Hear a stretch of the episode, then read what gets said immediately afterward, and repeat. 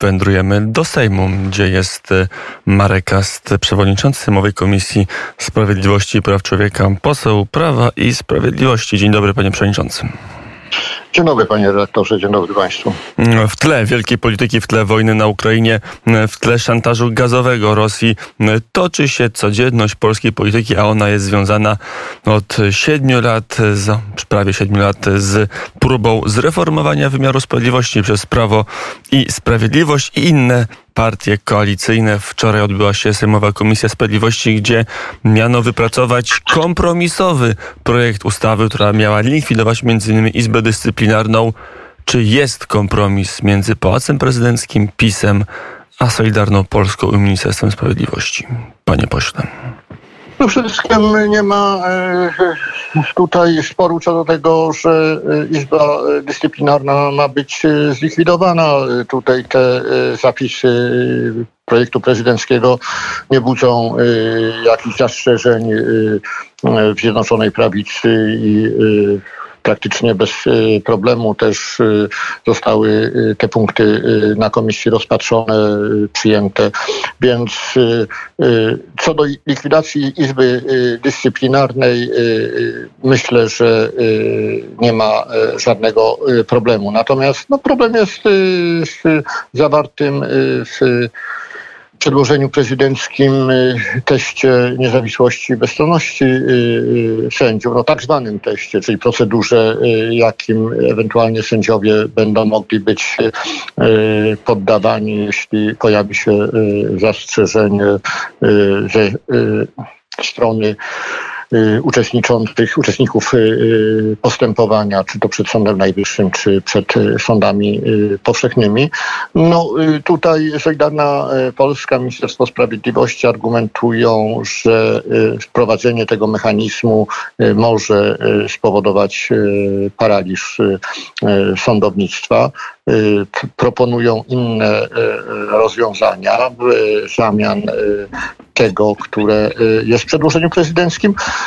Natomiast to trwa dyskusja. Y, prace komisji zostały y, przerwane na etapie właśnie złożenia w tym zakresie poprawek przez kolegów z Solidarnej Polski. Myślę, że jest Czyli teraz... po, podsumowując, panie pośle, panie przewodniczący, jakaś kierunkowa zgoda jest, ale co do szczegółów, to już żeście się nie porozumieli. No, zawsze diabeł tkwi y, y, w szczegółach. Ja zawsze powtarzam, że proces y, legislacyjny jest właśnie po to, aby wyjaśnić ewentualne wątpliwości, żeby projekt pierwotny poprawiać. Jeżeli wiążą się z regulacjami, które są proponowane, jakieś perturbacje, ktoś widzi zagrożenia, no to po prostu albo wyjaśniamy sobie w trakcie, że takich e, zagrożeń e, nie ma. Przekonujemy się nawzajem do zaproponowanych e, rozwiązań, bądź jeżeli rzeczywiście one są realne, no wówczas są składane poprawki. No ja muszę przyznać, że oczywiście w tym zakresie z uwagi na to, że Wspólnie zdecydowaliśmy w komisji, że projekt prezydencki będzie projektem bazowym. To przyjęcie ewentualnych e, poprawek też uzależniamy od akceptacji ze strony reprezentującej pana prezydenta, minister Małgorzaty Paprockiej, bo no, trudno głęboko zmieniać, korzygować projekt prezydencki, zmieniając go w taki sposób, że ostatecznie jego sens się jest całkowicie e, e, wypaczony i będzie weto prezydenta na przykład. No ale z tego wszystkiego wynika, że, że te szczegóły są na tyle istotne i rozbieżności są na tyle duże, że w tym tercecie e, Prawo i Sprawiedliwość, Pałac Prezydencki, Solidarna Polska, która ma niepodzielne władztwo w Ministerstwie Sprawiedliwości, wy, jeste, wy nie jesteście w stanie się porozumieć. No, ale też trzeba y, y, zrozumieć to, że y, minister sprawiedliwości, sprawiedliwości odpowiada za sądownictwo, za wymiar sprawiedliwości, za to, aby gdy widzi zagrożenia, żeby sygnalizować również w rozwiązaniach legislacyjnych. No i w tym momencie ja też tak rozumiem wystąpienie pana ministra Zbigniewa Ziobry.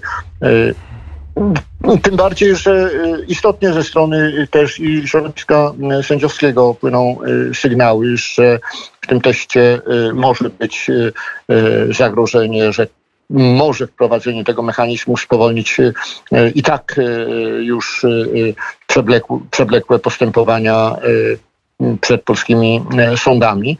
No ale tej dyskusji jeszcze w komisji nie odbyliśmy, a kolejna pewnie odbędzie się już po majówce, przed majowym posiedzeniem Sejmu i do tego czasu być może pomiędzy resortem sprawiedliwości a Pałacem Prezydenckim zapadną uzgodnienia i będą jakieś decyzje, chociaż wszystko to odwleka przyjścia do, do Polski pieniędzy z Krajowego Planu Odbudowy. To wszystko powoduje, że cały czas nie mamy tych kilkudziesięciu miliardów euro, które bardzo by polskiej gospodarce w kryzysu pomogły.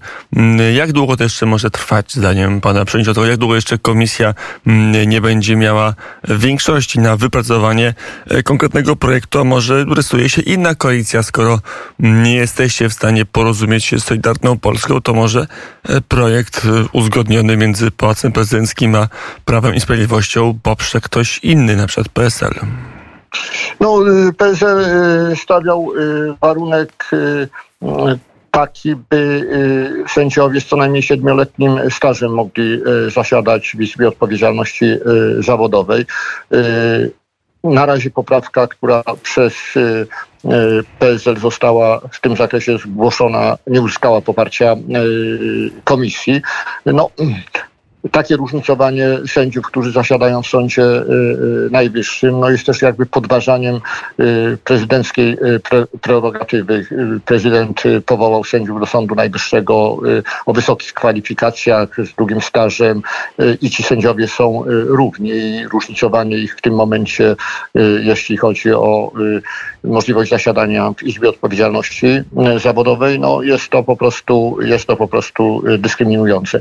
Ale no, pewnie y, rozmowy będą się toczyły do, y, do końca. Ja mam nadzieję, że jednak w Zjednoczonej y, Prawicy znajdziemy wspólne rozwiązanie i uda się po prostu ten, ten potrzebny, no bo faktycznie pan redaktor ma rację, no głównym motywem tej inicjatywy legislacyjnej jest zażegnanie sporu z Komisją Europejską, wykonanie wyroku Trybunału Sprawiedliwości Unii Europejskiej. No ale tu podkreślam, ten wyrok głównie oczekuje od nas y, likwidacji Izby Dyscyplinarnej. A to, mm, I, a to jest zagwarantowane. I to jest zagwarantowane. Mm, a jak długo, czy na ile jest tak, że ten opór i to niezrozumienie między Prawem i Sprawiedliwością a Solidarną Polską na ile jest męczące dla e, koalicji rządzącej, na ile można uznać trochę tak w swoim artykule dla Dziennika Polskiego napisał wicemarszałek Terlecki, że te grupy posłów, które mają, chcą zabłysnąć, utrudniają znacząco możliwość rządzenia. Pan jako przewodniczący ważnej sejmowej komisji ma takie przeświadczenie, że ta współpraca z Solidarną Polską jest trudna. No ale od początku wiedzieliśmy, że y, y, funkcjonowanie y, w koalicji nie jest łatwe. Solidarna Polska od początku stawiała przed sobą swoje też cele, które w ramach Zjednoczonej Prawicy chciała realizować. A osiągnęła te cele? Jak się patrzy to... na wskaźniki, na skutki dotychczasowych reform w wymiarze sprawiedliwości, można powiedzieć, że Solidarna Polska ze Zbigniewem Ziobro na czele spełniła swoje zadanie? No pewnie nie, dlatego też y, y, jest y, przygotowany w zanadrzu projekt reformy sądownictwa powszechnego. Jest projekt reformy Sądu Najwyższego, który został zgłoszony równolegle z projektem prezydenckim i naszym poselskim. Tak zwany mały Sąd Najwyższy, to ta ustawa tak. zakłada między innymi całkowitą niemalże wymianę składu tego sądu, co budzi poważne wątpliwości chyba także w Prawie i Sprawiedliwości. Jaka jest no, Pana opinia? No może nie tyle wymiany, co odchudzenie y, sądu y, i y, pozostawienie w nim chyba około 60 kilku sędziów. No, projekt jest ciekawy, natomiast, natomiast dzisiaj i złożenie go na tym etapie bez złożenia projektu o reformie sądownictwa powszechnego. Te dwa projekty są ze sobą powiąza powiązane. Trudno ten projekt reformy Sądu Najwyższego rozpatrywać. Dzisiaj pierwszoplanowa kwestia to rzeczywiście projekt prezydencki za zażegnanie sporu z Komisją Europejską. Ten projekt dzisiaj rozpatrujemy też na, na komisji. Y, on jest na stole i, i, i tutaj chodzi nam o to, żeby jak najszybciej go y, uchwalić. Y, więc czy, czy osiągnęła te cele? No, jeżeli, jeżeli kolejny etap reformy sądownictwa wymiaru sprawiedliwości byłby zrealizowany, to zapewne tak. Jeżeli tego się nie uda, to nie. Mm, e, to jeszcze przejdźmy do tego, jak szybko ten projekt może zostać mm, uchwalony, kiedy e, właściwie no, jest horyzont czasowy, kiedy w końcu wszystko będzie jasne i ustawa o reformie Sądu Najwyższego likwidująca Izbę Dyscyplinarną zostanie przyjęta. No, to jest bardzo dobre pytanie. E, ja myślałem, że uda się do końca kwietnia, właśnie na tym kwietnia, kwietniowym posiedzeniu. No, okazuje się, że, że będzie to y, trudne, już w tej chwili niemożliwe, więc y, y maj mamy y, pierwsze y, posiedzenie 11-12 y, chyba maja. Mm, więc na tym posiedzeniu będziemy projekty rozpatrywać. Jeżeli będzie sprawozdanie komisji, no to w maju, do końca maja wydaje się, że jest realne, abyśmy ustawę y, przyjęli.